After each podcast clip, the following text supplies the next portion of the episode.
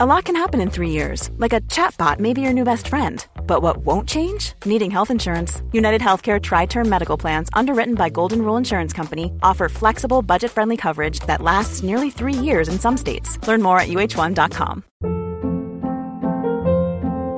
Hold up. What was that? Boring. No flavor. That was as bad as those leftovers you ate all week. Kiki Palmer here, and it's time to say hello to something fresh and guilt-free. Hello Fresh. Jazz up dinner with pecan-crusted chicken or garlic butter shrimp scampi. Now that's music to my mouth. Hello Fresh. Let's get this dinner party started. Discover all the delicious possibilities at hellofresh.com.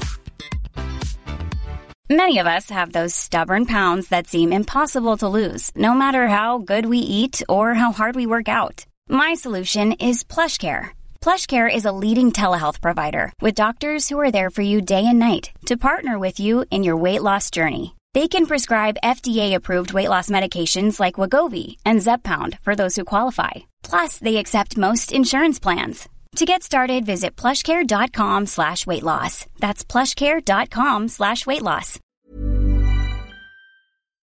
För det är ju liksom lusten som driver de flesta av oss som har såna här jobb eller som faktiskt är liksom i någon form av karriär. Mm. Det är viljan och lusten mycket mer än att det är plikten att göra det här Mm. som ändå gör att vi blir duktiga på det vi sysslar med. Så välj, Efterlust. ja, Mm. välj efter lust.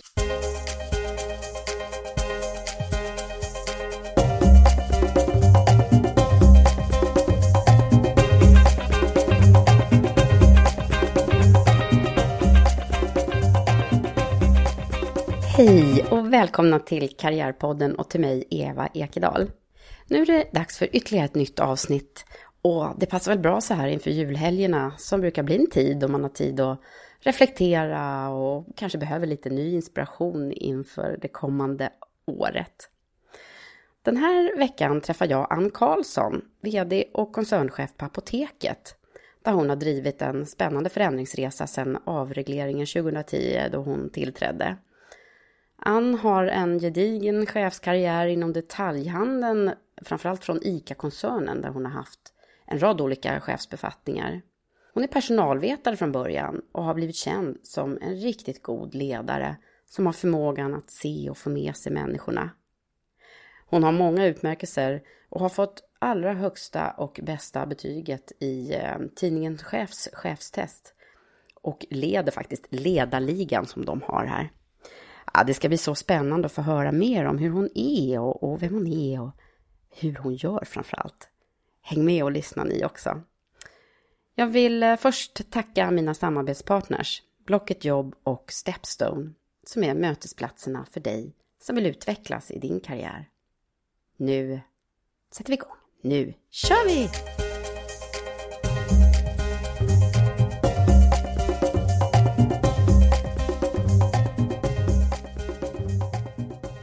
Hej Ann! Hej! Välkommen till poddstudion och till Karriärpodden. Tack så mycket. Jättekul att vara här. Jättekul att du är här tycker jag. Jag har ju läst om dig här och jag blir så jätte... Sådär, jag tycker om dig redan innan. Det känns lite konstigt för jag har faktiskt inte träffat dig förut och vi har ju inte liksom suttit och samtalat så här. Men eh, det räckte ju med att läsa det här chefstestet som tidningen Chef gjorde. Det var ju verkligen full pott på den. Är du så där bra som, som det står där verkligen? Nej, det är jag inte. Jag eh, får väl säga så att ibland så, så eh, har man lite tur när man ska utvärderas och andra gånger har man lite otur. Men så att nej, jag är inte så bra som du säger, höll jag på att säga. Däremot så kan jag säga att jag har, jag har ett sån här brinnande intresse för människor. Det har jag haft hela mitt liv. Jag har haft lite, lite sån här jobbig sida hos mig själv. Där jag alltid har suttit och funderat på varför gjorde hon så där nu och varför valde han att gå den vägen och sådär. Mm. Jag har tröttat ut en del av mina kompisar när jag var ung. Men den är en jättestor tillgång när man jobbar som chef ska jag säga. Jag är jätteintresserad av människor. Så att Du är intresserad av Någonting andra? ligger väl i att Mm. jag, jag har rätt lätt att hitta människor faktiskt. Och det är klart att det är en fördel när man ska leda människor. Mm. Och när man ska titta på den här jätteutmaningen som du faktiskt fick då när du tillträdde som, som chef för apoteket.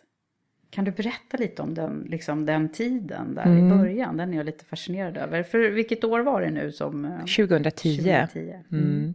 Det var det året som man la ner monopolet, avreglerade monopolet som vi brukar säga. Och jag kom in på hösten när man hade sålt ut två tredjedelar av apoteket. Och, eh, det man bad mig om, vad min styrelse rekryterade mig på, det var egentligen att komma in i företaget och göra det affärsmässigt så att det skulle klara av konkurrensen på den här nya marknaden med massor med nya mm. aktörer, nya försäljningsställen och inte minst, vi skulle ju konkurrera mot de, de tidigare våra egna apotek så att säga, som någon annan hade nu köpt och tagit över med vår personal och så vidare. Men, men uppdraget var väldigt, väldigt konkret. Gör bolaget konkurrenskraftigt, långsiktigt och affärsmässigt och lönsamt. Mm. Så att det här var ju väldigt hårda, vad ska man säga, eh, målsättningar som fanns. Mm. Och det jag själv trodde när jag gick in, jag tänkte att varför jag sa ja var nog att jag tänkte att men en av de sakerna som jag verkligen gillar eh, är att eh, få med mig människor och liksom vända lite grann på folks syn på saker och sådär. Mm. Och faktiskt bedömer att jag är hyfsat bra på.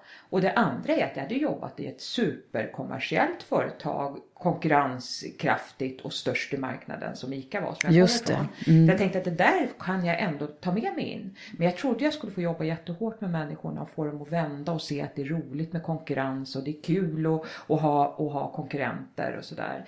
Men det var ju inte utmaningen. Det var inte det som var grejen? Nej, vad var det som var grejen då? Ja, grejen var att, att verka som eh, marknadsledare i en konkurrensutsatt marknad. Hela min organisation vibrerade skulle jag vilja säga av en vilja av att visa på att gammal är äldst och vi kan det här bättre. Ja, just det. Mm. Så att det fanns ingenting, jag mötte ingenting de första åren kring det här att vi hade hellre velat att det var monopol. Utan mm. mina företrädare hade verkligen förberett dem bra. Men ah, de okay. hade förberett dem på det som det går att göra på torrsimma och sen skulle vi ut i konkurrens med allt vad det innebär.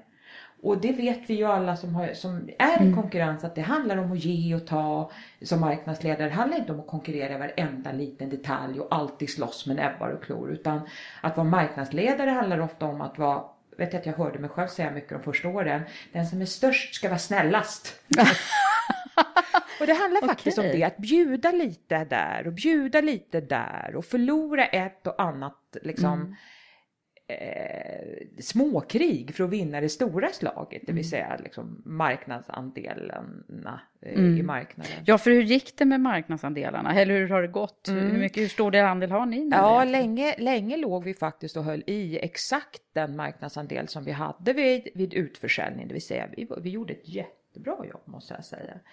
Sen eh, kan man väl säga att sen avregleringen och fram till nu har vi tappat några procent. Det är mm. inte mer. Eh, och det har ju handlat delvis om att vi inte har tagit lika mycket ny plats. Vi har inte etablerat så mycket och så vidare. Vi har behövt att titta inåt och, och rätta till sådana sätt som vi drev affären på för att det skulle bli affärsmässigt och fundera över om vi skulle vara kvar mm. i vissa områden. Det var naturligt att vara i när vi var monopol, när vi ägde marknaden och och så. Mm. Och hade all, all försäljning om man ska tala krasst. Va? Nu när vi behövde se till att vi också tjänade pengar på varje krona vi sålde. Ja då var vi tvungna att bli mycket mer sparsmakade med vad vi gjorde. Så att vi har ju gått ett internt eh, säga, en förändringsresa som har handlat om att värdera vår affär och kärnan i vår affär. Och som har handlat väldigt mycket om att titta inåt faktiskt. Mm. Mm. Så att försöka svara på din fråga, det var en mm. lång utläggning, svara på din fråga. Jag behövde inte få med mig människorna på att vilja vara i konkurrens.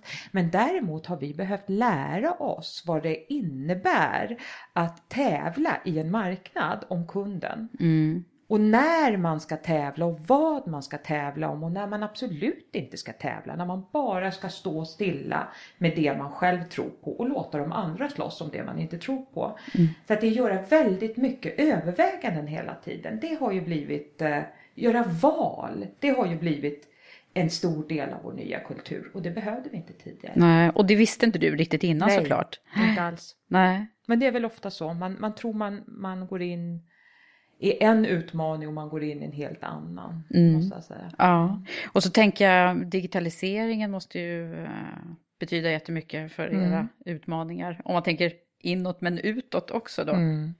Det är nog skulle jag vilja säga de sista årens starka fokus det är att göra någonting av att vi ändå hade, vi låg lite före där tack vare att vi hade varit monopol. Vi hade ju startat upp en e-handel till exempel under monopoltiden. Mm. Men att förstå att vi, vad ska man säga, att vi skulle ta tillfället i akt när vi låg längst fram att driva marknaden, alltså att, att driva in mer av, av eh, våra tjänster och vår försäljning på webben, det var vi inte riktigt redo för utan vi internkonkurrerade lite ska jag väl och säga. Mm. Nej, ta inte från mig här på det här lokala apoteket en försäljning in på webben. Och där har jag ibland slitit mitt hår. Aha, jag har att vi har okay. allting hörni. Om ja. vi bara ser till att liksom samverka kring mm. det här snabbare och mm. bättre. Mm. Men den digitala, den digitala resan, det kanske, den digitala affären, det kanske våra största utmaning långsiktigt. Vi ligger långt fram i erbjudandena mm. men vi behöver växla ut med. Du mm. måste veta att vi har så mycket digitala erbjudanden som Precis. Jag vet inte om du vet det.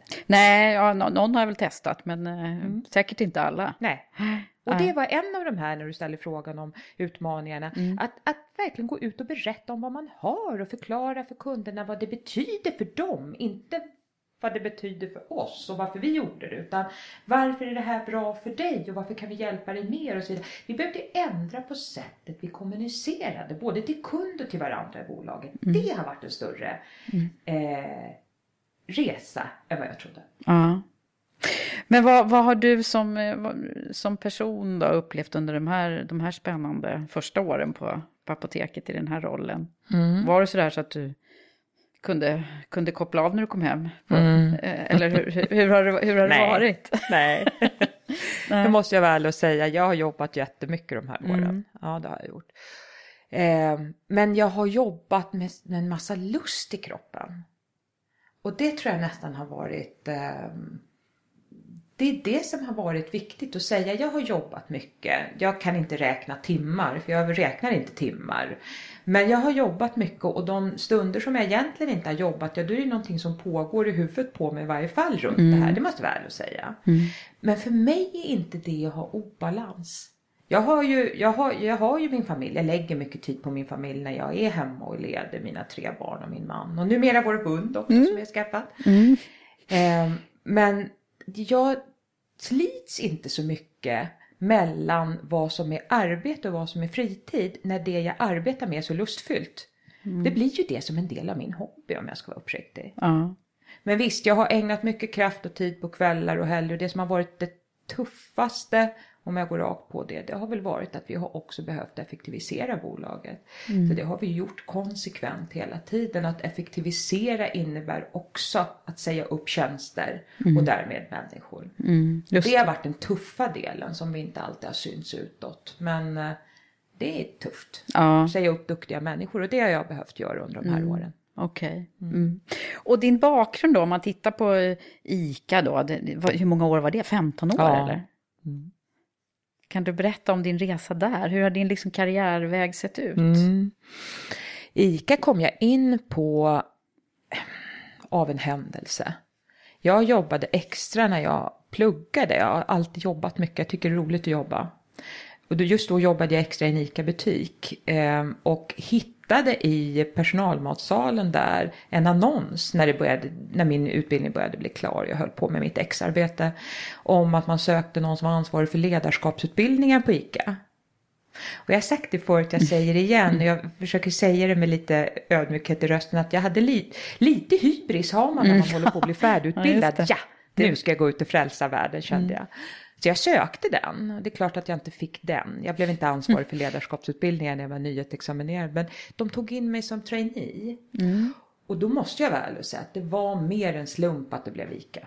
Uh. Jag hade inga kopplingar in. Men det var ju en lycklig slump. För jag kom in i ett företag som är så eh, så passionerat, intresserad och styrt för och av människor.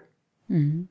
Det. För det ena är att man på ICA, eller vi på ICA och de på ICA idag alltid liksom tänker kund hela tiden. Varje ICA-handlare gör det, det går igen hos alla tjänstemän och sådär också. Men sen är det ju också det att det är drivet av ICA-handlare, de är människor.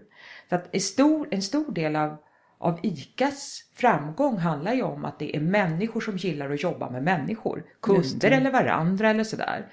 Eh, så det var ju ett företag som passade mig som hand i handske. Mm. Och så satsar man på Var det på personalsidan som du kom in då? Alltså Nej. på HR-sidan eller var det Inte generellt sett personalsidan. Mm. Jag, eh, det var väl en sån där sak som hände mig under min utbildning. Jag gick ju, eh, jag utbildade mig på det som hette personalvetarprogrammet på Stockholms universitet. För att jag var intresserad av de här frågorna. Jag släppte ekonomin efter gymnasiet. Jag tänkte nej, usch, jag vill inte läsa mer ekonomi nu. Och det här var jag liksom väldigt intresserad av. De här organisationsutveckling, sociologi, psykologi, pedagogik. Eh, ja, den typen av frågor. Affärsjuridik. Eh, men jag ville aldrig jobba på en personalavdelning. Det kände jag ganska fort. Nej, det är nog inte jag. Inte på en personalavdelning. Men däremot på utbildningsavdelningen. Och det var där jag kom in. Så det var ICA-skolan jag gick in på. Jag Aha, började jobba okej. för att utbilda människor. Mm. Och det tyckte jag var så fantastiskt roligt. Så då stod du inför folk där? Ja, och- jag utbildade ja. ICA-handlare och kassaledare och kassörskor och butikschefer. Alltså jag jobbade, ja, det var fantastiskt roligt. Jag hade tre år där jag flög, for och flög över hela Sverige och utbildade alla möjliga typer av människor på ganska konceptstyrda utbildningar. Så att jag fick träna mig på att stå inför folk och, och liksom Just det. Men jättebra, jättebra skola för dig också, tänker jag då. Ja, Ja. och allt sen dess ska jag vara uppriktig och säga. Det Jag tänker på det ibland när jag, um, jag minns att när jag pluggade så hade jag, fick, jag, fick jag frågan om jag ville gå in under en period och vara kursassistent. Alltså jag jobbade för de yngre studenterna vid sidan av skolan. Och en del av det handlade om då att, att man skulle få med sig de här yngre studenterna och hjälpa dem vidare och sådär. Och jag, jag har några sådana bilder när jag skulle stå inför de där grupperna och hur jag nästan liksom svimmade av skräck för att stå inför alla de här studenterna. Ja. Och det tänkte jag på sen, att någonstans så var ju ICA-skolan det bästa jag kunde göra i början, för jag tränade ju bort min scenskräck där. Jag hade en verkligen. enorm scenskräck. ja, du hade det från Ja. början? Ja, Okej. och det vet jag att jag kände i skolan och sådär också. Man skulle uppehålla föredrag och det flimra för ögonen och ja, jättejobbigt. Och det får jag liksom, jag får jobba med att komma tillbaka och komma ihåg det nu, för det känns som att det är evigheter sedan. Men jag Så var det verkligen en gång i tiden. Ja, det var verkligen så. Så för mig att stå på en scen och, och utbilda människor eller leda människor så där var nästan otänkbart när jag gick i gymnasiet. Och idag, Jaha, så gör du det nästan dagligen? exakt, Ja. jag gör det nästan varje dag. Ja. ja, men vilken bra eh, träning och, Mm. och, och bra att reflektera över att så var det faktiskt en gång i tiden. Och det går att träna upp såna här. Det var det. Ja. Men ICA var annars en, en fantastisk organisation för mig och det är väl en sån där sak som jag tänker på när någon frågar mig om råd. Vad ska man välja? Välj en organisation du mår bra i. Och det är inte alltid så lätt att veta innan man går in. Man kan försöka genom att ta reda på vad företaget jobbar för, vilka värderingar de har. Så här, men man måste ofta in och känna på det. Men i och med att det var det för mig så fick jag så många möjligheter och så många chanser och jobbade med liksom jag jobbade med ganska olika saker där. Jag gick ju ut sen och jobbade affärsmässigt. Jag ville ut i affären. Eh, och fick så många chanser tidigt i min karriär som jag inte hade fått om jag hade sökt mig ut och in i ett annat bolag. Nej, just det. Att driva affärsområden eller ta ansvar för stora kategorier och sådär som man ofta tänker sig att det är någon som har en annan utbildning som går in och gör. Det fick ju jag göra tack vare att man såg vad jag hade så att säga, varit med om och skapat för resultat i bolaget. Och i och med att bolagets kultur tilltalade mig, sättet man såg på sin affär och på faktiskt på sina medarbetare och sådär, det passade mig. Därför kom jag inte riktigt därifrån ska jag säga. Nej, men du gjorde det till slut.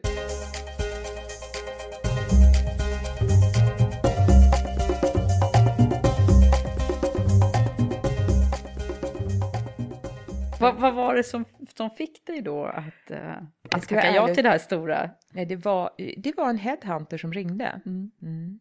Och eh, hade ju varit där i 15 år. Jag tänkte att det kanske är, nu kanske börjar dra ihop sig. Ska jag, ska jag vidare någonstans? Och det är ju ändå lite spännande att få prova olika företagskulturer. Så kanske det är dags nu. Men jag var på väg att ringa och ställa in den där intervjun. Jag tackade ja direkt när de ringde. Säger jag, jo men visst jag kan träffas. Gick jag hem och pratade med mig. Mediciner, sa jag innan. Jag är intresserad av mat. Jag kan, ja men boka av det där. Det är väl ingenting att slösa din tid på, säger han till mig. Så jag var på väg att göra det. Det var en av mina, ja, det var en av mina mina väldigt goda kollegor som jag hade där som jag av en händelse då nämnde att jag skulle iväg. Det var sånt där jag egentligen inte ville prata om men hon var hos någon headhunter och då mm. det ena gav det andra så sa du är inte klok. Nu åker du dit! Mm. Hon nästan beordrar mig. Du kan tacka nej sen men tacka för guds skull inte nej innan du har tagit dig dit. Du kan åka och lyssna i alla fall, det är det ja. man brukar säga. Ja, ja. och mm. Och på den vägen var det, gick det ganska fort. Jag fick träffa styrelsemedlemmarna fort och mm. allt ifrån det jag hörde att de var ute efter. Jag satt ju själv där och tänkte medicin är inget för mig. Jag har ju knappt använt en Alvedon i mitt liv. Jag är lite sådär överdrivet försiktig med medicin. Jag har blivit lite mer tillåtande idag då eftersom jag har många medarbetare som har lärt mig alla värden av läkemedel. Men mm. då kändes det märkligt. Det kändes som det var fel typ av produkt. Mm. Men de beskrev ju för mig vad de ville med bolaget. Och, och, och så var det det här väldigt specifika skedet ja, då också. läget mm. som vi gick in i. Alltså mm. Jag tänkte det här är en gång i livet jag får vara med och göra en sån mm. här sak. Bära eller brista. Jag måste prova. Att få vara med och både ställa om ett sånt här fint företag med ett sånt här fantastiskt varumärke. Eh, och ett företag som står för väldigt mycket som jag tycker om. Man mm. hjälper människor att leva ett liv i hälsa. Man hjälper faktiskt människor att överleva ska jag säga. Genom sättet de använder sina läkemedel. Och höga ambitioner hos många av, av mm. medarbetarna på apoteket. Man vill mer va. Man vill inte bara lämna ut ett läkemedel eller sälja en produkt. Man vill hjälpa människor att leva ett hälsosamt liv. Mm. Mycket sådana starka värderingar och också här såklart att få sätta det här i en helt ny kontext. I en marknad som är total förändring. Ingen mm. av oss har ju vetat var den ska sluta någonstans. Nej. Och du hade ju ingen erfarenhet från monopol eller statlig verksamhet innan då? Men sätt. den stora, en av de värdena jag hade med mig det var att på i på ICA så var jag med och bygg, byggde väldigt mycket. Jag gick in, jag hade mina uppdrag var aldrig på längre än tre år. Jag gillar att bygga. Bygga liksom nytt och göra om och bygga annorlunda och sådär. Och det, det var verkligen vad jag behövde bära med mig. Jag tycker att det är fantastiskt roligt att testa det som inte är testat. Och prova det som inte har provats. Och, och jag tycker inte det är så farligt att liksom Nej. hamna fel då och då. Du är inte rädd liksom? Nej, inte alls. Det måste jag nog säga. Nej. Det kan jag nog hålla med om. Jag jätterädd. Jag, däremot har jag svårt när det blir för, konformt och för likadant mm. dag efter dag.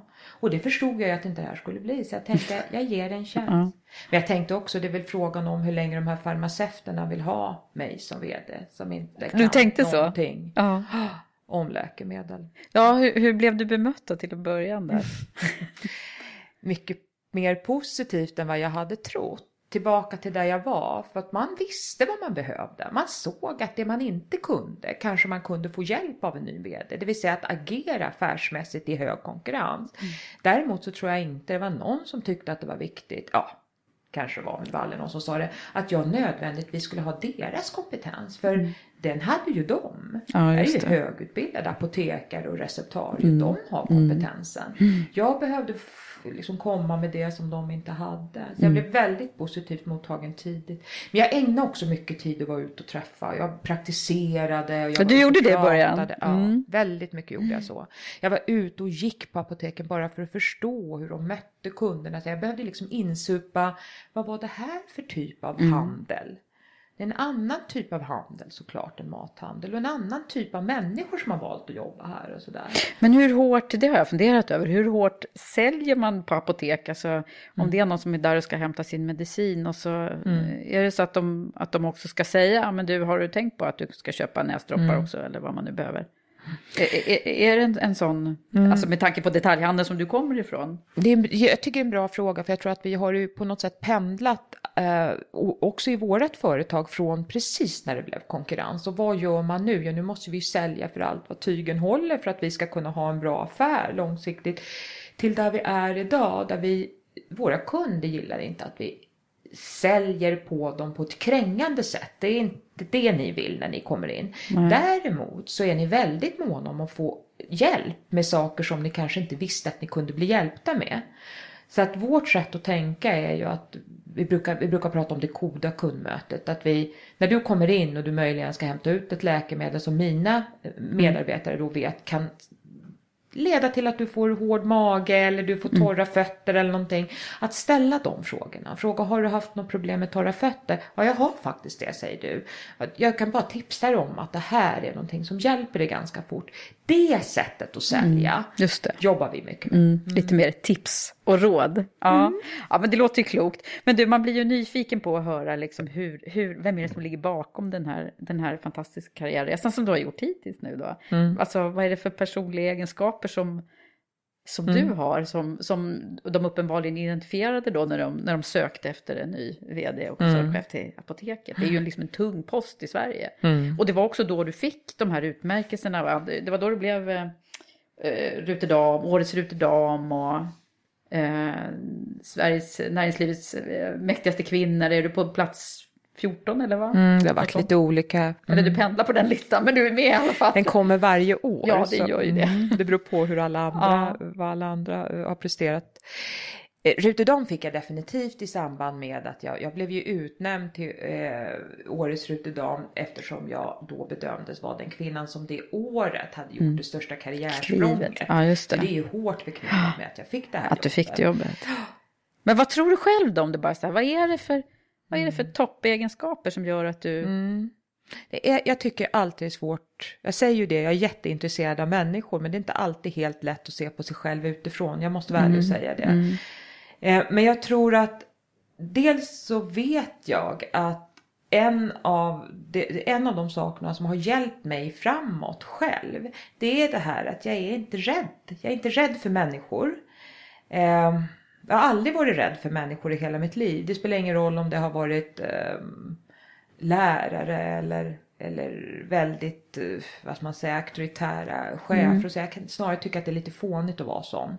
Jag är uppväxt i en familj där det var väldigt eh, liksom, mycket debatt runt bordet. Det har alltid varit mycket debatt. Och både mamma och pappa, det var så självklart liksom att låta mig och min bror tycka och, och, och påverka och sådär. Så att det jag tror att det har hjälpt mig mycket för jag har liksom inte fastnat någonstans där jag har blivit rädd och inte velat av det skälet. Och det hör jag ibland att folk faktiskt blir. Så folk brukar säga att jag är modig. Och jag tror att jag är modig. Jag tror det. Så Det är låter som det har varit en tillåtande miljö som du växt upp Ja, i. jag har växt upp i en väldigt tillåtande miljö. Det ska jag vara ärlig och säga. Kanske, vi kan prata om det idag, jag och min mamma som är den som är kvar i livet. Att det, det fanns nästan inga regler. Och hon sa att jag var ju uppväxt med så mycket regler Ann. Så jag ville, jag ville göra tvärtom med mina barn. Men efter ett tag kom jag fram till att det var kanske inte så bra. Det vill säga att sa att du får komma hem när du vill. Och, du, och du, där satt du och somnade borta hos någon. För du fick ju komma hem när du ville. Klockan halv fyra kom du jättetrött och sa att alla gick hem men jag fick ju vara kvar så länge. Var är du i syskonskaran? Mamma drev det väldigt långt åt andra hållet. Vad sa du? Vad är du i syskonskaran? Jag är, jag är äldst. Du är äldst. Ja. Då har vi en stora syster till. Då. Ja. Så till slut så fick vi ju på något sätt enas om att sätta tider och, och lite så va? För att för att eh, det blev ju inte bra åt andra hållet. Eh, Ja, min mamma skulle bryta med sin ganska tuffa uppväxt och tyckte hon och hårda uppfostran som hon kom ifrån och pappa hängde med och tyckte att det var ju bra. Och det var ju 70-tal, 60 och 70-tal va så att de var vi präglade av den tiden. Men fördelen det har haft med sig det är att jag har ju liksom fått bära mitt eget ansvar. Det är inte mamma och pappa som, som satte ner det i mig utan jag fick ju ta ansvar för väldigt mycket väldigt tidigt på ett väldigt positivt sätt. Man räknar med mig. Man räknar med att jag hade ett gott omdöme. Så jag fick ju träna mig att ha det. Jag kan inte säga att allt jag har gjort har jag gjort med gott omdöme, det skulle jag ljuga. Men ganska, jag, jag tvingades ju liksom ta konsekvenserna av det ganska tidigt själv. Sånt har jag suttit och tänkt på. Ja, ja. på, Har, har det hjälpt mig med min uppväxt? Ja, det har det gjort. Vad, vad jobbade mamma och pappa med då? Min mamma jobbade på Konsumentverket. Jaha. Och, eh, det bety- och min mamma tog mycket plats runt matbordet så att det vi pratade mest om runt mat- matbordet det var ju då Konsumentverket, satsningarna i glesbygd och sånt där som mamma blev väldigt väldigt passionerat intresserad av och så fort vi var ute och åkte i Sverige på tältsemestrar och sånt där för det var så jag, det var det vi gjorde på, på somrarna. Då skulle vi alltid handla i alla de här småbutikerna och glesbygdsbutikerna så att mamma skulle hjälpa bygden igång.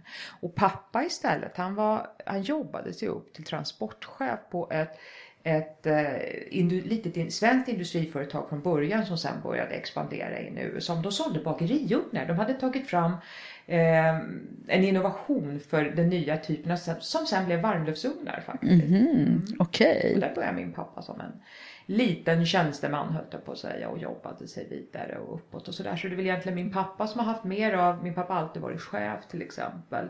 Men det är mamma, det är mammas jobb vi har pratat om hemma. Okej, okay. mm. ja så vem är du mest lik undrar man då? Mm. Det är jättesvårt att säga, jag har alltid trott att det är mest min pappa. Eh, för jag var nog mycket pappas flicka i uppväxten. Men i takt med att åren går så tror jag kanske att det är lika mycket mamma. Mm. Mamma har haft en enorm drivkraft i sig. Och sen valde hon gjorde aldrig någon karriär. Hon, hon var hemma med oss ganska länge och började jobba deltid sen. Och sådär. Så att, mm. Men hon tog plats där hon tog plats på något sätt. Och, mm. Ja, det är ja. en kombination tror jag. Ja, det mm. låter så. Mm. Vart är du uppvuxen någonstans? I Stockholm. Mm. Så vi är på mammas sida stockholmare i hur många led som helst tillbaka mm. ska väl säga. Mm. Medan min pappa kom flyende.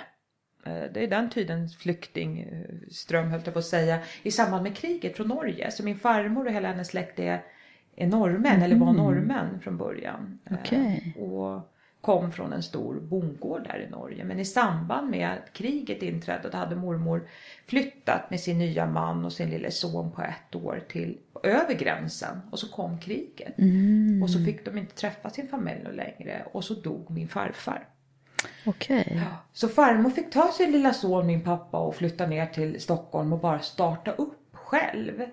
Eh, så det var ett ganska knapert uppväxt jag tror pappa hade rent, rent eh, finansiellt och ekonomiskt. Han fick börja jobba tidigt och sådär. Mm. Och mor, farmor jobbade hela tiden. Men hon, hon snodde ju runt det där. Mm. Det blev ju bra. Så att vem är det som är din största förebild ifrån, om du tittar sådär? Egentligen så har jag, är dålig på förebilder men, men eh, jag tror att det, ibland, pappa var länge det. Min pappa var en sån där som lyssnade väldigt mycket han hörde alltid vad man sa och han, han kunde säga ibland så här, Ann, räcker inte nu? Det har ju gått så långt och du har ju gjort det så mm. bra. För jämfört med hur långt han, han kunde gå så tyckte han att det var ju fantastiskt med min universitetsutbildning och så vidare. Uh, pappa var ju den mest intellektuella i min familj också så att han har ju fått med sig mycket av, av det till mig. Mm. Tror jag. Intresset mm. för... För människor. Ja, mm. och, och också för samhälle och politik och sådär. Men det där är ju rätt intressant när du berättar din historia nu så tänker jag på det här med att okej, okay, vi, vi är präglade naturligtvis av våra föräldrar men tänk deras historia, vad, liksom, vad det har betytt för, ja. för sen hur vi sen har blivit. Liksom. Exakt. Uh, alltså det går ju egentligen en generation till, eller ja. det går ju massor med generationer tillbaka om man tittar. Men, Visst gör det det och var börjar det någonstans? Ja. För det, ja. det jag tror att det är klart att eh, jag tänker på det ofta när jag pratar om det här med pappa eller farmor då, att jag menar vad det innebar att göra en sån resa för en ung kvinna på 22-23 år. Det är klart att det var hur tufft som helst mm. och så startade jag upp liksom ett helt nytt liv. Så där fanns det ju väldigt mycket kraft. Men det fanns det på mammas sida också. Där har ju varit mycket egenföretagande och sådär i släkten. Mm. Så att jag tror att det har funnits en väldig drivkraft. Eh, min mamma, ja, Ja. Min mammas föräldrar skilde sig tidigt också, vilket var ovanligt vid den tidpunkten. Så det, mm. ja, jag tror både mamma och pappa har haft massa egen drivkraft på något sätt som mm. man har fått med sig. Mm. Och sen, Vad häftigt, och så har det landat ja, hos dig jättestarkt, ja. låter det ju som. Ja, ja. Om tror... man tittar på din, eh, nu när vi är där och kikar i lite tillbaka i tiden, om man tittar på dig som liten skolflicka då, mm. hur var det då? då? Mm. Jag älskar skolan. Jag tyckte det var så roligt så det var inte klokt. Jag, jag älskar skolan till och med åttan. Eh, I nian var det helt plötsligt så då börjar man ju bli lite, vad ska man säga, tonåring sådär. Jag tyckte fortfarande skolan var väldigt kul. Jag har nästan aldrig varit sjuk. Mm. Så att det kan man nog säga hela grundskolan upp tyckte jag var väldigt kul med skolan. Och det var, ja, och det har nog hängt med. Jag älskar att lära mig saker och det har jag gjort under hela skolan. Och det där att man är vetgir det, vetgirig det är ju alltid bra när man pluggar men sen tappar jag lusten i gymnasiet.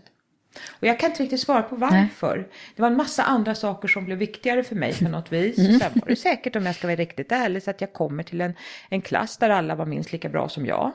Mm. Upp till nian så fick jag ju på något sätt vara en av de bästa. Okay. Och sen var det inte så länge och någonting gjorde det med mig så jag tappade lusten i gymnasiet. Ja.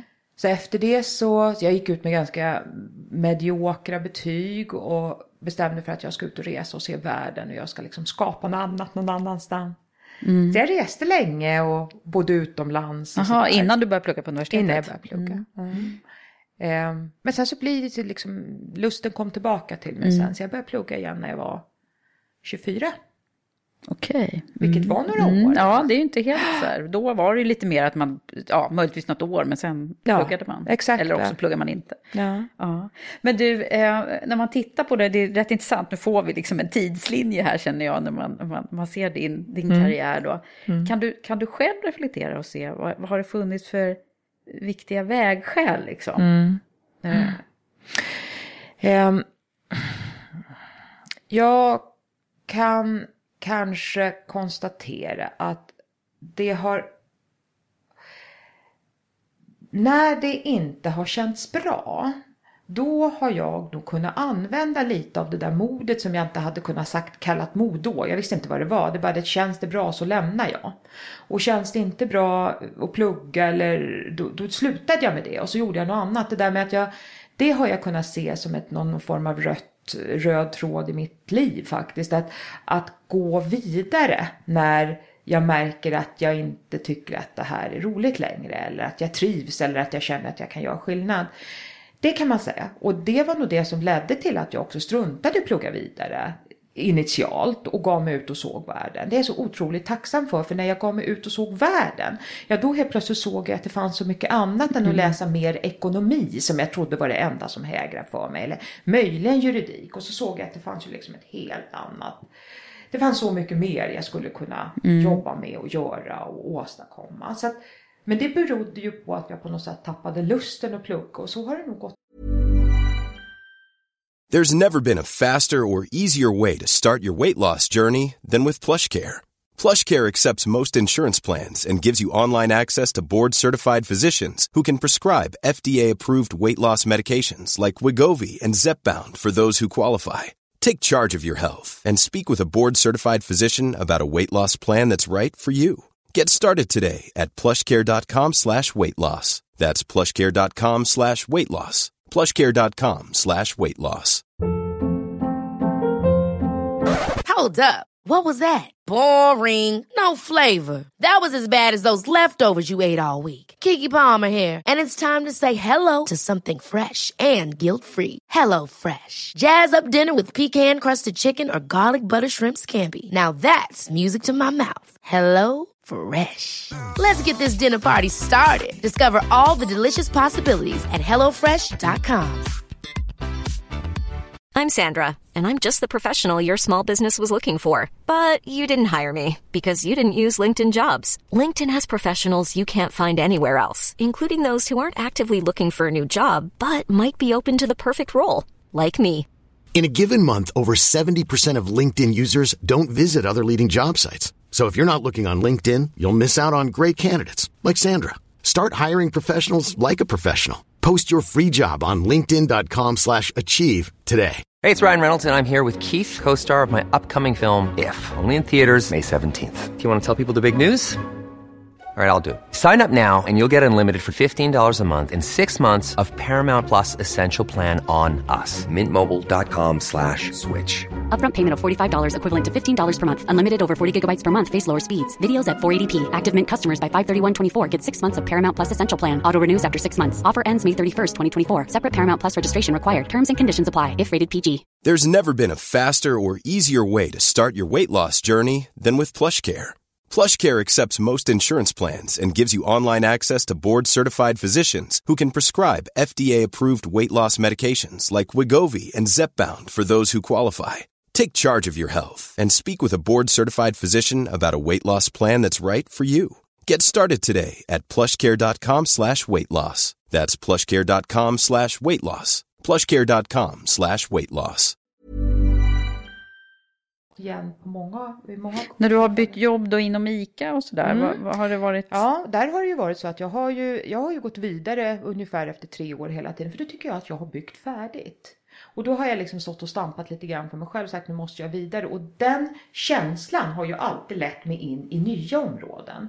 För att man kan väl kalla det otålighet men jag skulle vilja säga när jag känner att jag inte tycker att det är så roligt längre brukar det ofta handla med att jag inte kan göra så mycket mer nytta och jag kan inte se så mycket nya saker eller möjligheter. Då ska inte jag vara där längre och då brukar jag resa mig upp och gå. Och det har ju varit bra för mig för att jag har kunnat vara, både se mycket saker när jag varit ute och rest och när jag gjorde den resan i livet. Den tog mig in på en utbildning jag aldrig trodde jag skulle gå. Eftersom jag valde mer efter intresse när jag valde det än efter vad som kanske kunde tyckas vara rätt för att få ett bra jobb.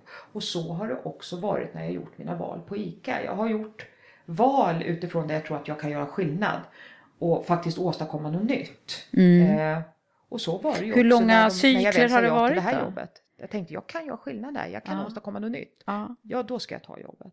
just det.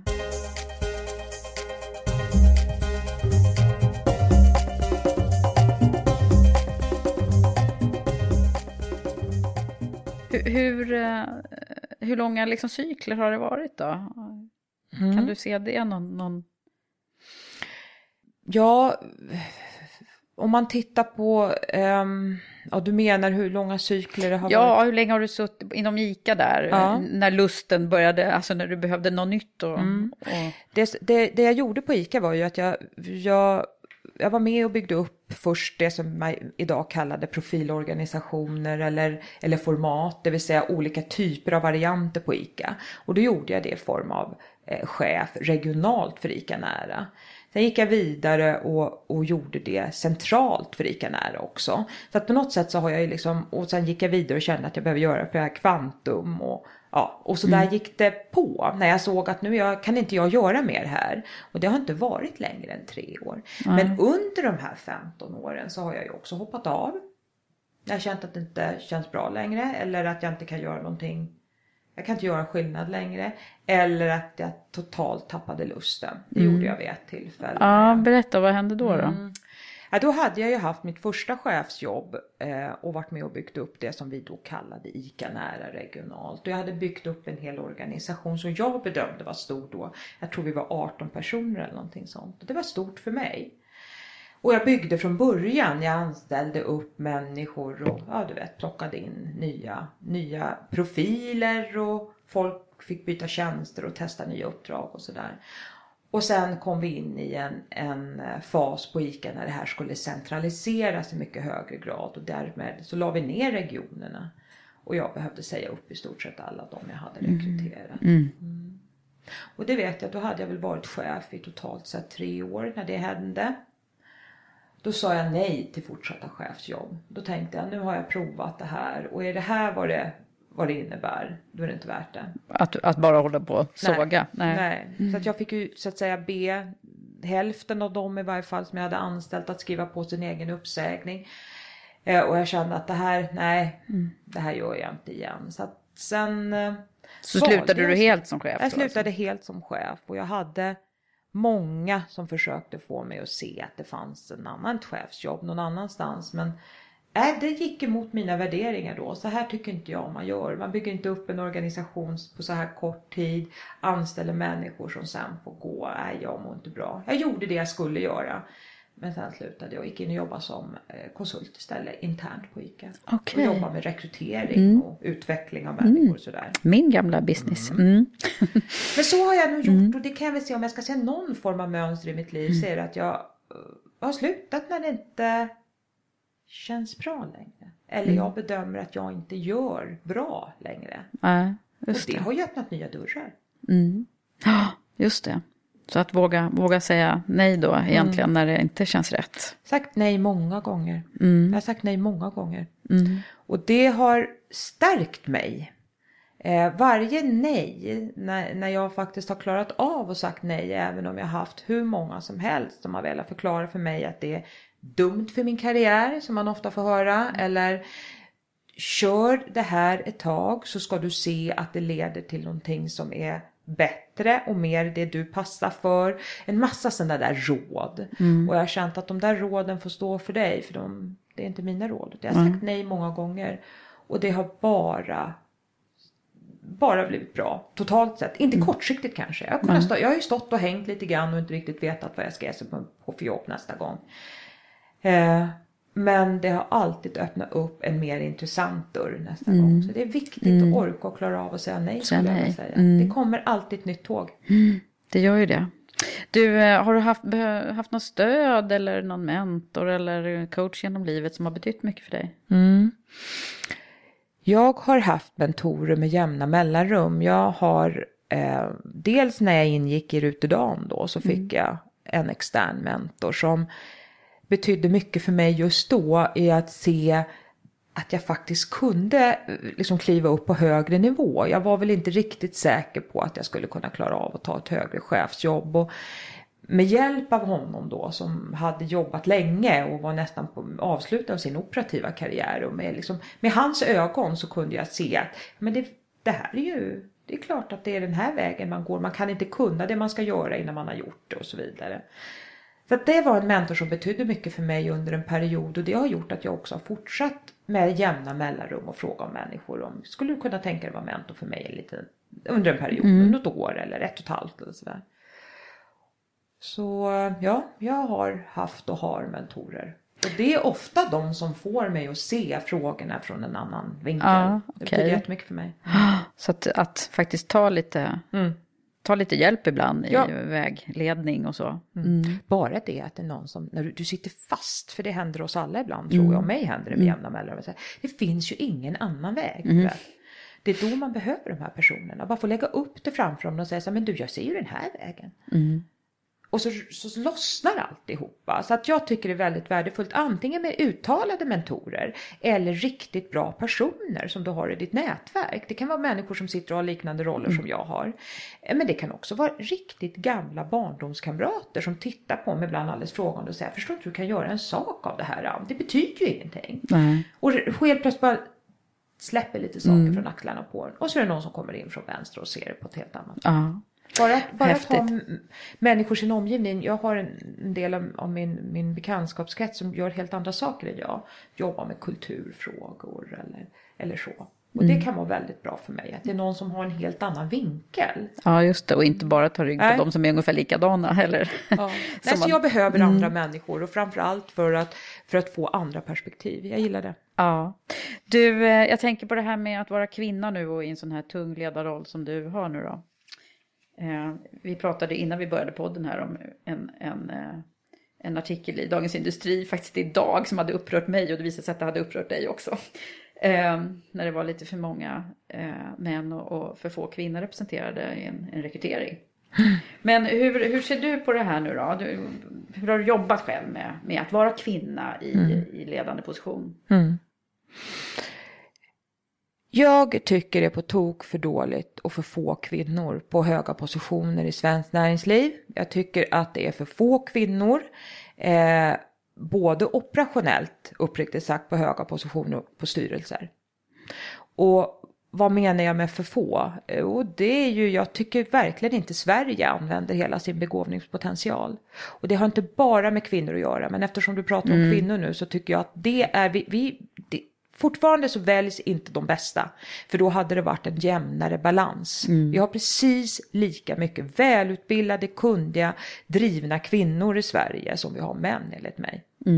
Precis, så det borde vara en, en jämnare fördelning totalt sett. Absolut. Ja, varför är det inte det då?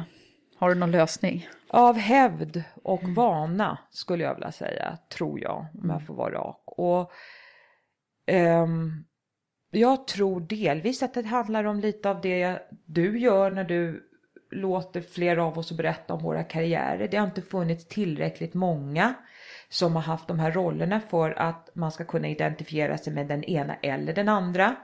Jag tror att det är viktigt att det finns kvinnor på höga positioner som de som är yngre ser att hon kan och hon kan och hon kan. Och det är lite lättare ändå för en kvinna att identifiera sig med en annan kvinna, tror jag ofta. För det är lite för få förebilder, det tror jag. Eh, jag tror också att det handlar om nätverk. eh, någonstans så väljer vi ju, ju, ju tuffare positionerna är, desto säkrare vill ju vi faktiskt vara när vi rekryterar. Det betyder att vi vill ju på något sätt känna till den här personens förmågor och tidigare leveranser. Och vi har de nätverk vi har och det det är vanligare att män har fler män i sina nätverk mm. eh, och att kvinnor har fler kvinnor. Och det är klart att om det fortfarande är mest män som sitter på de poster som väljer ut den som ska komma efter dem, ja då är det sannolikheten mm. tror jag mycket större att det också är så att det är ja, för du sitter ju med i, de hittar. i styr, många styrelser nu också? Eller ja, fler? några stycken. Ja. Mm. Hur ser det ut där då? Det är olika. Um, det är olika, ska jag säga att de styrelser jag sitter med är väldigt eh, balanserade. Måste ja, okej, okay. de har kommit ja. en bit på väg. Ja, de har kommit långt. Ja. Har, är det till och med så att det har blivit bättre i styrelserummet än i ledningsrummet? Bra fråga. Jag kan inte svara på det. Nej, för det har ju varit väldigt mycket till... diskussioner kring det här med, mm. med styrelser. Mm. Eh, och där tror jag många styrelser liksom medvetet mm. har fått, liksom, man får mm. ögonen på sig. Men hur är det egentligen i ledningsgrupperna undrar jag? Mm. Eh, mm. Det är en bra fråga. Jag, jag kan inte uttala mig riktigt om det, alltså skillnaden mellan det ena och det andra. Jag kan bara konstatera att när jag befinner mig antingen operationellt i ledningsgrupper där det finns en bra mångfald mm. eller i styrelser med en bra mångfald och det behöver inte vara just kvinnor och män. Nej. Det kan handla också om bakgrund. Mm. Eh, eh, finns det människor som, som har liksom nära i sig invandring i Sverige och varit med om det? Eh, har vi olika åldrar? Det tror jag är viktigt. Mm. Jag tror faktiskt att det är viktigt med olika kompetensområden. Det kan handla om utbildning till mm. exempel. Mm. Att inte alla har gått på samma utbildningsinstitution i Sverige till exempel. Utan att det finns en lite blandad, vad ska man säga, bakgrund hos mm. de som sitter i den operationella ledningen eller i styrelsen. Min erfarenhet säger mig att de fungerar bättre. Mm. I varje fall där jag har suttit. Jag tycker de åstadkommer mer. De styrelser eller de operationella ledningar som har mer mångfald i sig. Mm. Har, har, du blivit annorlunda bemött på något sätt eh, under åren här eh, som, som ledare och chef? Mm. För att du är tjej? Det är svårt att säga eftersom jag är kvinna. Jag vet inte hur jag hade blivit bemött Nej. om jag var man. Kanske en korkad fråga. Nej, Men, eh, Nej det är egentligen inte det, för jag förstår mm. vad, du, vad du frågar efter. Jag har, en, jag, jag, har inte själv upplevt att jag har blivit begränsad av att jag är kvinna. Det måste jag vara rak och säga, det har jag mm. inte blivit. Däremot har jag varit irriterad och stundtals riktigt arg över att jag sett andra kvinnor som jag vet är fantastiskt duktiga och blivit omsprungna. Alltså jag har kunnat suttit och tittat på andra, jag har inte sett det med mig själv. Men återigen, det är svårt att se vad som händer runt dig själv. Jag har mm. aldrig upplevt mig på något sätt kränkt eller sprungit i glastaket. Jag har aldrig mm. sett det på det sättet själv. Men jag har sett en och annan duktig kvinna som har blivit det. Mm. Och det är möjligt att det finns lika många duktiga män som har blivit det också. Jag kan inte riktigt uttala mig om det. Men, men jag kan åtminstone konstatera att det fortfarande är färre kvinnor som har tunga eh, poster och jag tycker att det är synd. Mm. Mm. Ja, det där är, det är en fråga vi kan debattera ett tag. Men om man nu skulle titta på det här med, med ledarskap och så, som jag är så intresserad av att se, och, och, och förstås snegla på, vad har du nu då som sagt vad som är så himla värdefullt mm. eh, i, i, din ledarroll, eftersom du också fick full pott på de här eh, ledarskapstesterna. Mm. Eh, och då så läste jag där att eh, det som skiljer henne från andra är att hon är så duktig på att lyssna. Och sen har du också sagt, jag har aldrig varit bäst. Nej. Kan du utveckla det där lite mm. grann? Jag, min framgång, om jag får använda det ordet, mitt sätt att komma vidare eh, yrkesmässigt har alltid baserats på att jag har om att, att jag har omgivit mig med människor som har kunnat saker som inte jag kan. Jag har i hela mitt liv tyckt det varit väldigt spännande och mycket mer attraktivt med människor som kan det jag inte kan. Är det jag inte är. Så var det även när jag var liten. Jag tyckte det var roligare att leka med de som inte var så lika mig själva och de som kunde saker som jag inte kunde. Mm. Så det tror jag det är en personlighetsdrag. Och det betyder att när jag, min första chefsroll så förstod jag att det här kommer jag ju aldrig greja. Aldrig greja om inte jag ser till att få eh, bemanna upp runt mig med de som kan och gör och vet det jag inte kan, gör och vet. Och det vet jag att det var det första jag bad min dåvarande chef om. Jag tar gärna det här jobbet även om jag inte tycker att jag är jag tycker nog inte riktigt att jag är eh, du vet, redo jag tycker inte att jag är fullt kompetent sa jag nog inte men det var andemeningen. Egentligen kan jag inte det här men jag är beredd om du tror på mig sa jag. Bara, du, bara det är okej okay att jag får själv välja vilka människor jag ska ha runt mig. Och han sa ja. Mm. Och sen dess har jag alltid gjort på det sättet. Jag har krävt det. Jag tar gärna uppdraget. Mm. Bara det är okej okay att jag själv väljer mina, mina personer. Okay. Och de har alltid sagt ja. Jämt. Så du har haft möjlighet att göra det också då? Så att säga. Jag har Managera upp det. ditt närmsta team? Ja, jag faktiskt, där har jag varit ganska tuff ska jag vara rak och säga. Mm. Det oavsett vilket jobb jag har tagit, om det har varit nu på apoteket eller om det har varit ett projektuppdrag som jag kunnat tagit. Tidigare i min yrkeskarriär så har jag varit jättemån om att jag måste få välja mina personer. Det kan betyda att de som finns där då är rätt personer men de ska bara få ett annat uppdrag.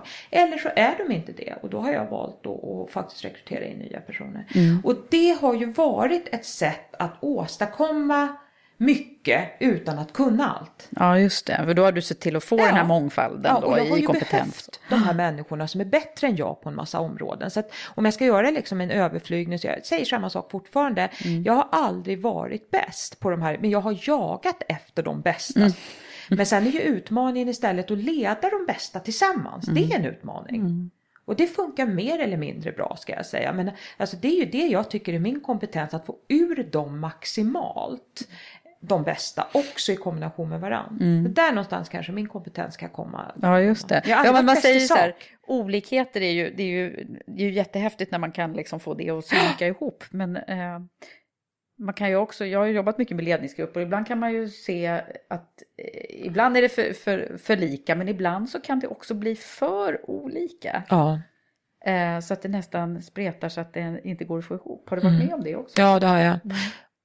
Mm. Apropå att man har gjort bra saker och mindre bra, ja. dåliga saker för att tala klartext. Jag var ju ännu mer idealist när jag var ung, det får jag väl säga. Och där gjorde jag, då gjorde jag såna här riktigt annorlunda rekryteringar på några, jag behöver inte nämna mm. exakt vilka de var. Och, men det gjorde jag, såna här riktigt, jag tänker så här, om jag får in en sån här person som tänker totalt på tvärsan mm. mot den där personen eller mig, då lyfter det. Och det, in, det har jag insett några gånger, det har jag mm. gått på, mm. det har jag gått där jag misslyckats helt enkelt. För att vad jag ska, vad det till slut blev, för det handlade, vad det, vad det till slut blev, det blev ju mer konfliktladdat med de här olika personerna än att vi tog oss framåt. Så att successivt har jag väl börjat leta efter att vi har någon form av gemensamma värderingar. Det mm. måste jag hitta. Ja, just Annars det. får man till gruppen. Det, det är värderingarna ja. som är, ja. Det bottnar ganska mycket där. Ja, det gör det. Och det har jag lärt mig med åren. I mm. början tittade jag inte så mycket på det, utan jag var lite besjälad av det här med att jag får ihop olika typer av människor, apropå mm. att jag tycker att det är roligt med människor som är det jag inte är. Mm. Men det håller inte hela vägen. Utan, men går man på värderingarna och ser till att man, man, man så finner ut att vi har i stort sett gemensamma värderingar, då funkar det. Mm.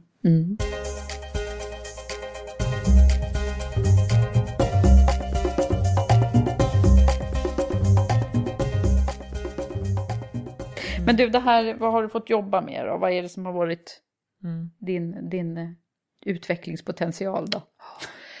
jag har fått jobba med, eh, bland annat har jag fått jobba med att jag blir så himla engagerad när jag går in i frågor och jag vill, det tror jag en del av mina medarbetare skulle sätta på mitt minuskonto, jag vill till botten med saker. Mm. Jag har svårt för ibland så hör jag mig själv säga det ytliga fladdriga och det låter så oförskämt. Jag menar inte att någon är ytlig och fladdrig men ibland kan jag nästan tycka att det är lika bra att vi struntar i den här frågan om vi ändå bara ska flyga över den lite ah, ytligt för att ha gjort okay. det. Så du är grundlig liksom? Jag vill, ja det är jag. Mm. Och det kan du se bara de gånger jag städar också att jag slutar liksom inte. Det är, det är en dålig sida hos mig att jag har lite svårt att inte mm. gå till botten. Fast det låter ju ganska bra ja, också kan jag tycka. Jo, men, mm. Det är bra för att jag blir, det, det, är bra de gånger det verkligen är ett problem. För jag, jag biter mig fast som en terrier. Och jag ger mig inte förrän jag kommer till botten med problemet och då är jobbigt att jobba med mig om man vill att jag ska, äh, det räcker nu Ann, det är tillräckligt bra. Utan då är man ju tvungen att gå med mig hela vägen ner till botten av problemet. Mm. Men istället är det, det är då man blir av med Jag brukar säga det, jag jobbade med på naprapatskolan en period när jag var ung. Och där lärde jag mig mycket om det här med, med massage och vad det är som gör att, att du får ont i kroppen. Och bland annat så, så trycker man ju triggerpunkter känner du till det? Ja, jag har hört talas om det. Du men- kan ha mm. smärta någonstans och vad en massör eller naprapat ofta är duktiga på det är trycka bort den här triggerpunkten. Det gör ont, ont, ont, ont, ont. Och sen efter ett tag så släpper det. Ja, just det. Och sen är Mm. du av Mm. med den där felställningen faktiskt som känns i ryggen. Och det kommer tillbaka till mig ofta när jag håller på. Jag håller på och trycker ut en triggerpunkt. Och det kan man säga fördelen med det är att när man har gått till botten med en fråga då har man löst den. Ja, just det. Men det kan ibland också bli min, vad ska man säga, det kan bli en utmaning för mig när jag har den typen av position jag har idag. För ibland måste man flyga över Mm. och man kan inte gå till botten med de svåra Nej, du kan åtminstone inte själv göra det. Jag kan inte själv Nej. göra det utan jag måste få andra att göra det.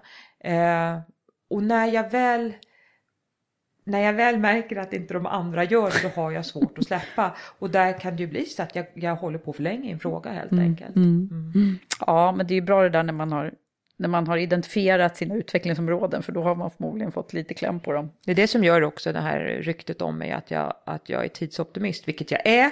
Men, men det får inte riktigt de effekterna längre som det fick för 10-15 år sedan. För jag är mån om att stänga möten i tid och sådär. Jag Ja. tycker det är oförskämt att hålla på och dra över människors tid idag.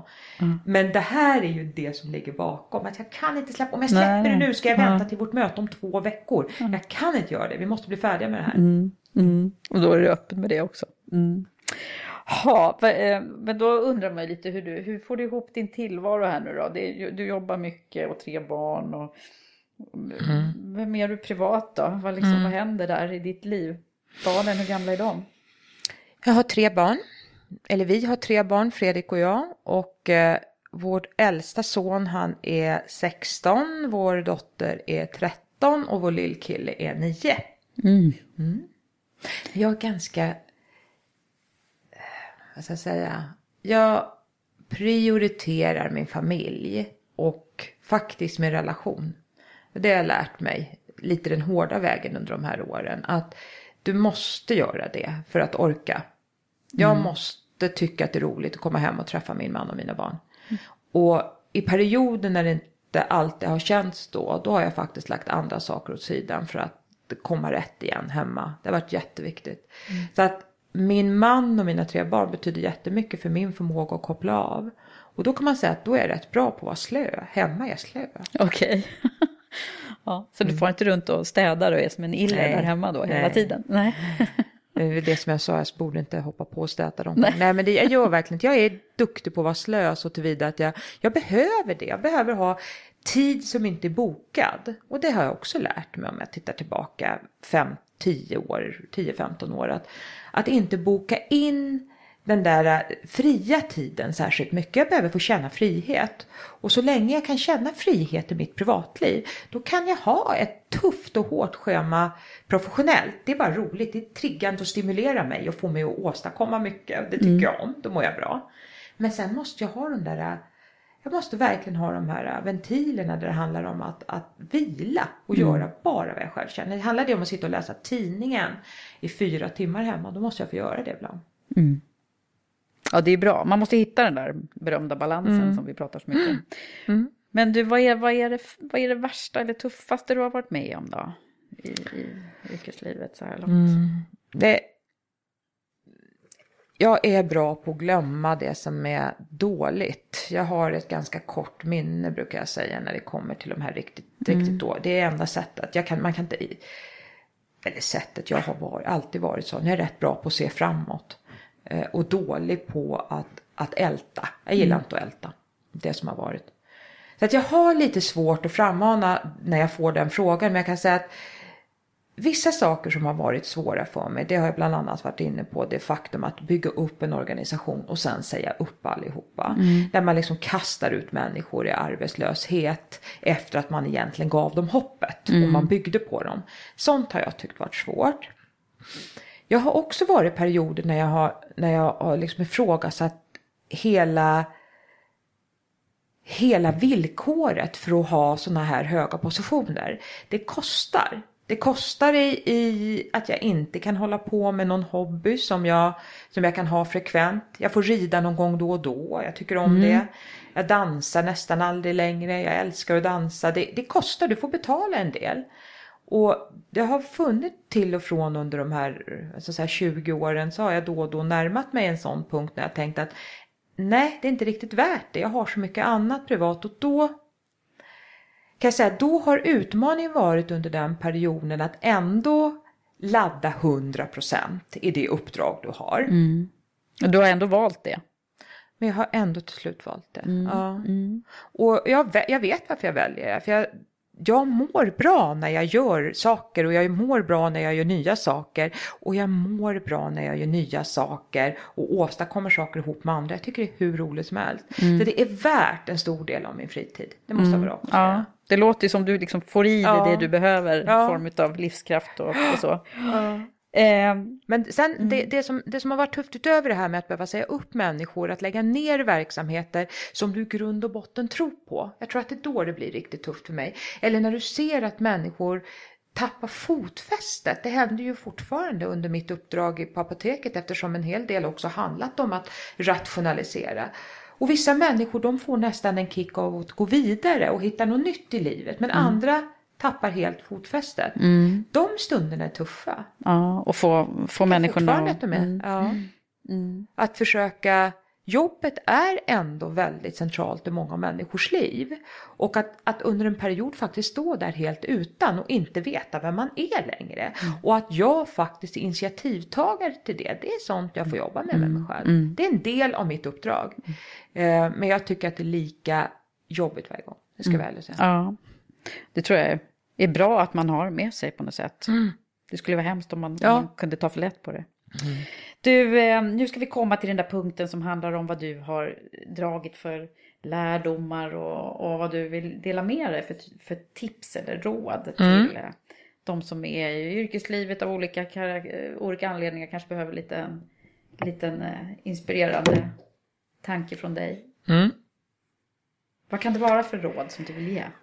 Ja, det ena jag försökt säga några gånger tror jag i tidigare frågor, det är att välj, välj efter lust. Välj inte efter vad som, vad som tycks vara rätt i någon form av CV-perspektiv. Och det där försöker jag vara jätte...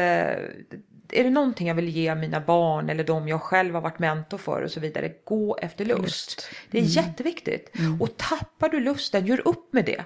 Det vill säga att det är okej att ha luckor i sitt CV, det brukar jag säga. just det. Eh, För att bara du vet varför. Varför du gjorde, gjorde på det sättet. För det är ju liksom lusten som driver de flesta av oss som har såna här jobb. Eller som faktiskt är liksom i någon form av karriär. Det är viljan och lusten mycket mer än att det är plikten att göra det här. Som ändå gör att vi blir duktiga på det vi sysslar med.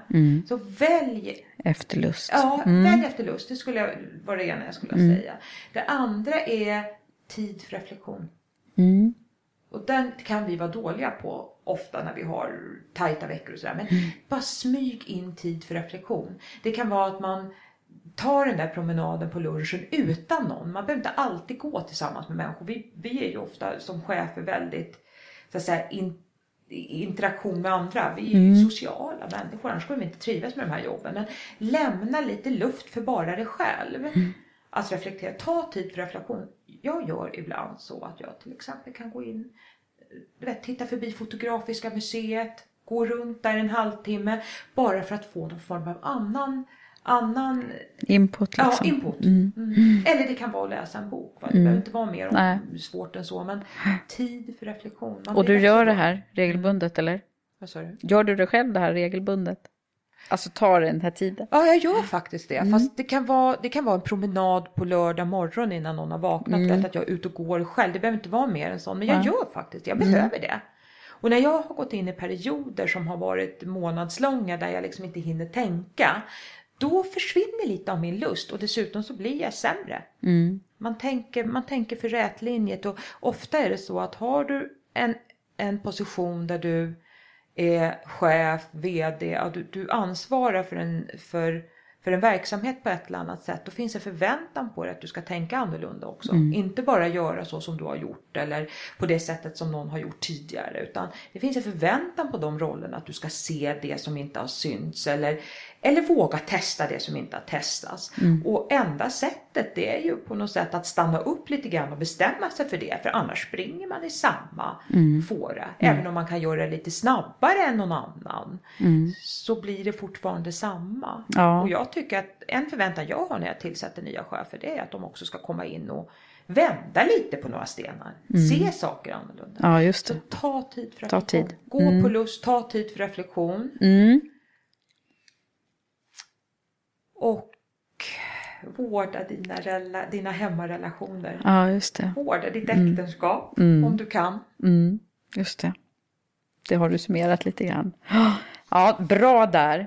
Och sen ska ju du få en, en eh, sån här skicka vidare-fråga som jag alltid har med på slutet här i podden. Och den kommer ju då ifrån min förra gäst, Mikaela Forni, som är en sån fantastisk bloggare. Och eh, hon ställde ju frågan, och det tror jag, hon visste ju inte vem hon skulle ställa den till. Så att, eh, men hon ställde frågan som lyder så här, är du redo? Eh, Hur gör du för att hela tiden själv utvecklas, både i jobbet och privat? Nu har vi kanske svarat lite på den, men, men eh, det kanske finns någonting mer. Jag, jag ber om feedback. Jag tvingar folk att ge mig feedback ibland. Och det är inte alltid så lätt när det handlar om dina medarbetare. För det är ju någonstans, feedback kan du få när den är, eh, när den är positiv och sådär. Det är lätt. Men när, när jag vill höra det där som de har svårt att säga. Så brukar jag faktiskt lirka fram det på olika sätt. Men Ja. så att om du vore jag, eller jag försöker använda sånt. Men jag, jag jagar feedback då och då. Det, när det gäller mina medarbetare så kanske jag inte kan hålla på med det dagligdags. Men jag gör det i varje fall när vi har våra utvecklingssamtal. Eller när vi går igenom medarbetarundersökningar. Jag säger att nu får du, får du en chans. Försök förklara för mig ett annorlunda sätt att göra det här på. För det är genom den feedbacken som jag utvecklar mig själv. Det är då jag ser det jag inte annars fattar. Det är då jag kan få höra att jag är för snabb, att jag är för otålig, att jag till och med ibland upplevs som arg fast jag inte alls är det. Så att man får jaga den här feedbacken, det gör jag. Och sen så eh, är det faktiskt att göra roliga grejer ibland. Ja. Bara, jag har blivit lite förtjust i opera de senaste fem åren. Det verkar vara en sån här, det kom, bara få gå ibland och sätta mig och lyssna på riktigt bra opera eller någon bra annan musik. Att göra någonting helt annat, det utvecklar mig. Ja, bra. Det där får vi skicka med till Mikaela. Och sen ska ju du få ställa en skicka vidare fråga till någon som inte du vet vem det är Ja. heller, men som jag vet vem det är. Förstås. Ja, och det, är, det är en fråga som jag är alltid nyfiken på hur andra gör. Eh, där jag fortfarande har en del kvar att lära för att det är inte helt lätt.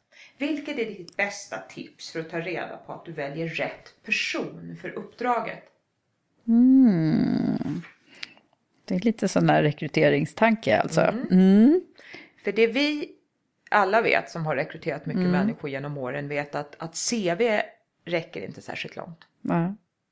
Utan att du, har, att du verkligen hittar rätt person för uppdraget. Vad är ditt bästa tips? Du kanske har det till mig. Mm. ja, men jag ska inte Det är inte svara. du som ska svara, Nej, nej men vad härligt. Bra där. Tack snälla Ann för att du har varit här och tagit dig tid att prata med mig. Känns jättebra. Tack för att jag fick komma, jätteroligt. Ja. Tack. Hej!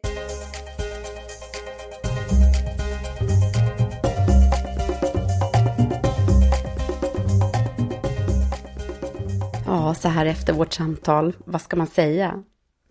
Jag förstår varför hon hamnar på topp i ledarligan. Hon känns ju så genuin och äkta på något sätt. Och det blir ju faktiskt mer och mer tydligt att de som har lyckats så bra som ledare är de som är duktiga på att få med sig människor och därför lyckas leda och driva stora förändringar och organisationer. Att hon är personalvetare och har det där intresset för andra och samarbete och, och tillsammans med andra vill bygga och leda och åstadkomma saker. Ja, vad kan jag mer känna? Modet och engagemanget förstås, igen. Det har vi ju hört från flera av Karriärpoddskvinnorna. Och ja, jag tror verkligen att det är en tillgång att också ha det här lite hybris och tro på sig själv från början. Tack Ann, fortsätt så. Och tack till eh, mina samarbetspartners, Blocket Jobb och Stepstone, som är mötesplatserna för dig som vill titta på möjligheterna att utvecklas i din karriär. Avslutningsvis, Jag känner mig så glad och privilegierad att få sitta och samtala med de här intressanta kvinnorna. Och vill passa på att önska alla lyssnare en riktigt god jul. Det kommer ut ett nytt avsnitt om två veckor igen och då har det hunnit bli 2016 och den 4 januari. Så ett gott nytt framgångsrikt karriärår önskar jag dig också. Hej så länge, vi hörs snart igen.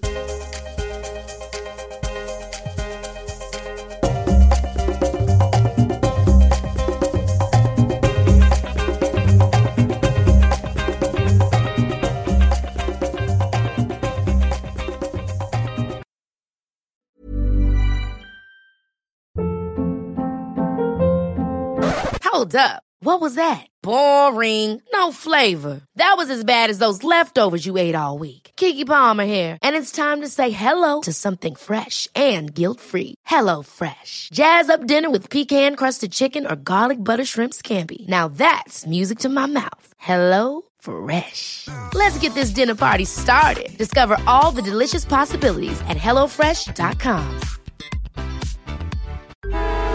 Traffic jams, tailgating, pileups. Ugh, the joys of driving. How could it get worse? The federal government wants to have a say in what you drive. That's right.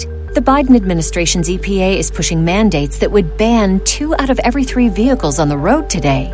Don't let Washington become your backseat driver. Protect the freedom of driving your way. Visit EnergyCitizens.org. Paid for by the American Petroleum Institute.